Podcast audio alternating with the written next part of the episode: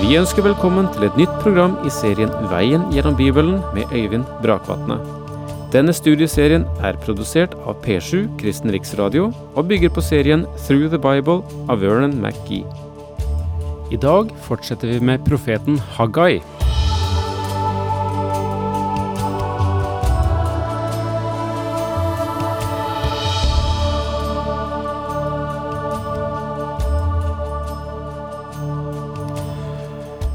Det er ikke tvil om at fortiden kan virke inspirerende. Det kjenner vi alle sammen til. eh, Hva som har nådd oss gjennom livet. eh, Av mennesker som har gått forut for oss. Av det som har foregått i fortiden, og som danner grunnlaget for de muligheter vi har. Men det er også sant at fortiden kan være som en klamp om foten.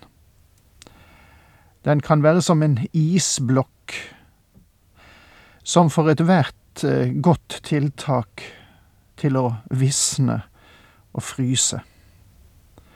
Som gir oss en kald gufs og forhindrer den kreative, den skapende evne.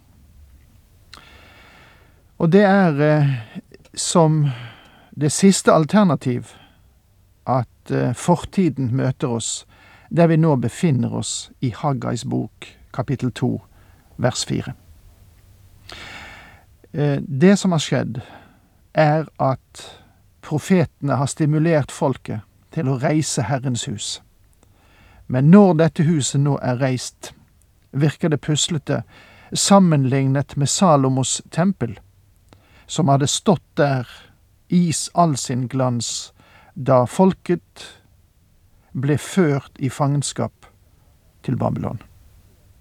Noen av de gamle husker det gamle tempelet. De ser nå det nye, og dermed er 101 ute. Så forlammes hele nasjonen.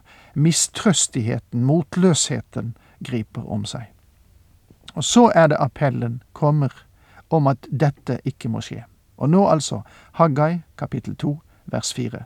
Men nå, vær frimodig og sterk, Serubabel, lyder ordet fra Herren. Vær frimodig, Josva, Jehosadaks sønn, du som er øverste prest. Vær frimodig, alt folk i landet, lyder ordet fra Herren. Gå og arbeid, for jeg er med dere, lyder ordet fra Herren, allherrs Gud. Altså, her er en tofoldig henstilling. Og Denne henstillingen går både til folkets ledere og til folket generelt.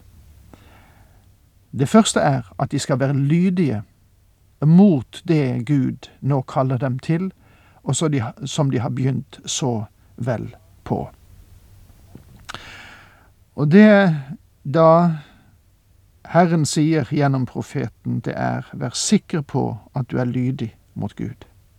Det betyr ikke noe hvor stort eller lite ditt arbeid, din gjerning er. Vi må huske det alle, vær sterke. Gud sa til Israel, det er greit nok at dette tempelet ikke virker så imponerende som det forrige tempelet var. Jeg vet det, men vær sterke. Det er min utfordring til dere. Og det sa han tre ganger.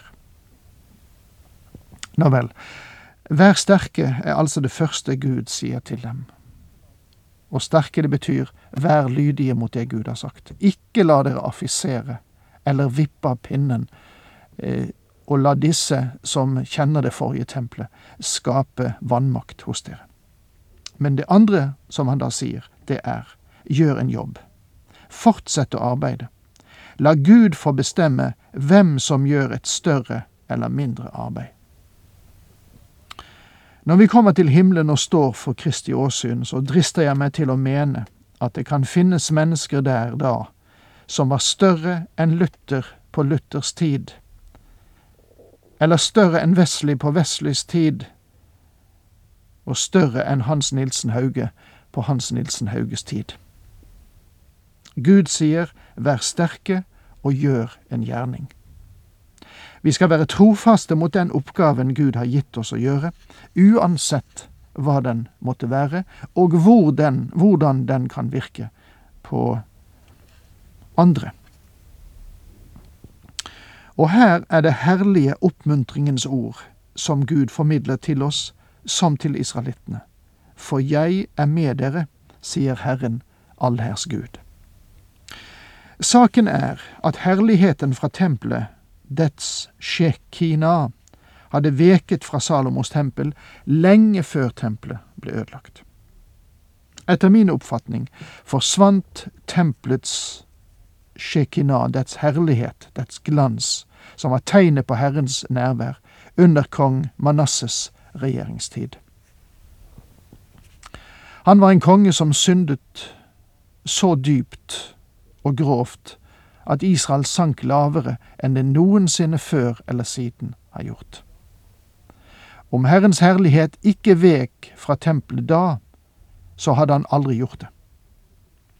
Tenker vi oss at dette kan medføre riktighet, så forlot Gud ved sitt nærvær, sin herlighet, sin shekinah, tempelet, omkring 125 år før tempelet ble ødelagt av babylonerne. Og derfor, på Haggais tid, hadde de gamle menn som hadde sett Salomos tempel, bare sett dets ytre herlighet. For tempelets egentlige herlighet, nemlig Guds nærvær, var borte for lenge siden. Det er ingen tvil om at den ytre herlighet over Salomos tempel var veldig.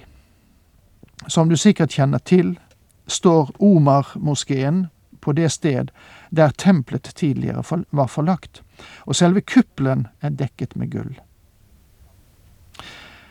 Da jeg sist var i Israel, var det innsamling blant muslimer for å få penger til å fornye gullet på kuppelen. Jeg har sett denne kuppelen fra forskjellige vinkler, alt etter som jeg har beveget meg i og utenfor Jerusalem, og denne kuppelen glinser i solen. Nå, når jeg har sett på denne moskeen, så har jeg tenkt på hvordan Salomos tempel må ha sett ut i det klare sollyset og i disen over Jerusalem. Vi vet at det var rikt utsmykket, og at store partier var dekket med gull. Det må ha virket overveldende vakkert. Og selvfølgelig var det ikke mulig å sammenligne det tidligere tempelet og det som nå var under oppbygging. Men Gud så på tempelet i de forskjellige faser. Salomos tempel, Serubabels tempel og senere Herodes' tempel som ett hus, ikke tre hus. Og derfor tilhører det den samme linje som huset kalt Herodes tempel, som den Herre Jesus kom inn i. Kristus var tempelets shekina og herlighet. Han var Gud kommet i menneskeskikkelse. Apostelen Johannes sa, Vi har sett Hans herlighet. Men den var innhyllet i en menneskeskikkelse. Og den Herre Jesus gikk inn i tempelet, ikke bare én gang, men mange ganger. Så Gud sier til de mismodige tempelbyggerne på Haggais tid, ja, dette lille tempelet dere bygger nå, er ikke så storslagent, men jeg er med dere. Mine venner, det er atskillig bedre det enn å ha et fenomenalt tempel der Gud ikke er. Det er den samme kontrasten som mellom en veldig katedral med tomme benker, kald, trykkende og utilnærmelig, og den lille kirken rundt hjørnet, full av mennesker og med en predikant, prest eller pastor som trofast underviser i Guds ord. Vi trenger å ha et korrekt perspektiv på det som er reelt, og det som ikke er det, på det som Gud velsigner, og det han ikke velsigner. Dette løftet gav jeg dere da dere dro ut fra Egypt. Min ånd bor iblant dere. Frykt ikke. Selv om denne bygningen ikke virket imponerende, så sier Gud, min ånd skal være blant dere. Og det er langt bedre enn et rikt utsmykket tempel som ikke får sin herlighet gjennom Guds nærvær. Og dette sier oss noe om forskjellen mellom Den hellige ånds tjeneste i Det gamle testamentet og i Det nye testamentet.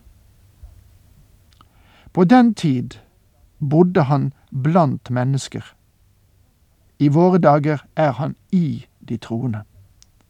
Han har inntatt en annen posisjon, og dette er en mektig fordel vi har som tror på Kristus.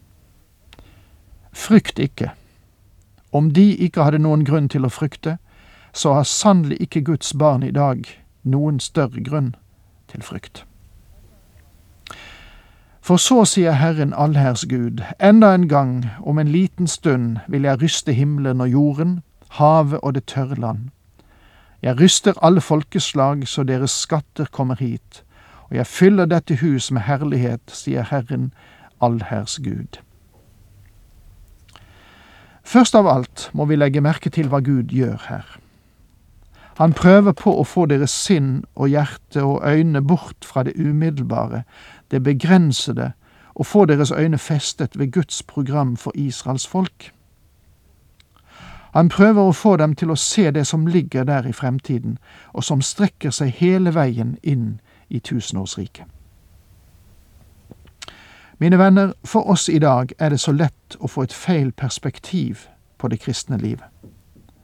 Vi trykker nesen vår mot det nærmeste vindu, den nærmeste utstillingen, og vi ser ikke noe annet. Som du kjenner til, kan du plassere en krone så nær øyet ditt at den skygger for solen. Vel, den kronen er som den nærværende verden, som raderer ut Guds plan og hensikt for vårt liv. Bli ikke mismodig, selv om de nåværende omstendighetene ikke synes å gå i din retning. Fest deg ved at for et Guds barn tjener alle ting til det gode for dem som elsker Gud, dem som etter Hans råd er kalt, som det står i Romane 8, vers 28. Det vil si at det gode ligger der fremme, kanskje på en viss avstand. Jeg vil ryste himmelen og jorden, havet og det tørre land. Med andre ord har Gud til hensikt å bevege seg til dom. Og vi vil se, før vi forlater denne lille boken til Haggai, at Gud ser fremover og taler om den store trengsel som er Herrens dag, og senere om Kristi komme til jord og opprettelsen av det tempelet som har med tusenårsriket å gjøre, hendelser som omfattes av begrepet Herrens dag. Og jeg fyller dette hus med herlighet. Selv om det var en rekke hus, Salomos tempel, Serubabels tempel, som ble revet ned av Herodes, og Herodes' tempel, så Gud dette som ett hus. Og jeg fyller dette hus med min herlighet. Og det var inn, det var inn i dette hus som den Herre Jesus Kristus kom. Herligheten var der, selv om den var omgitt av en menneskekropp. Og der er faktisk tiden ute, som vi, vi må si takk for nå, Herren med deg.